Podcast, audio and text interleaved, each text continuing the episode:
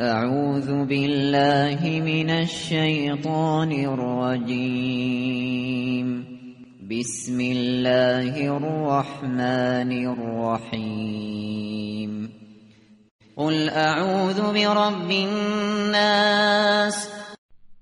به نام خداوند بخشنده بخشایشگر.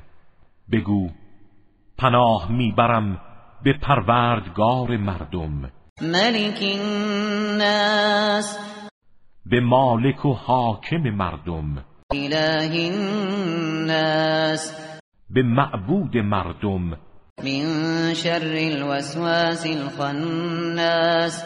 از شر وسوسگر پنهانکار. الذي يوسوس في صدور الناس. که در درون سینه انسانها وسوسه می کند من الجنة والناس. خواه از جن باشد یا از انسان؟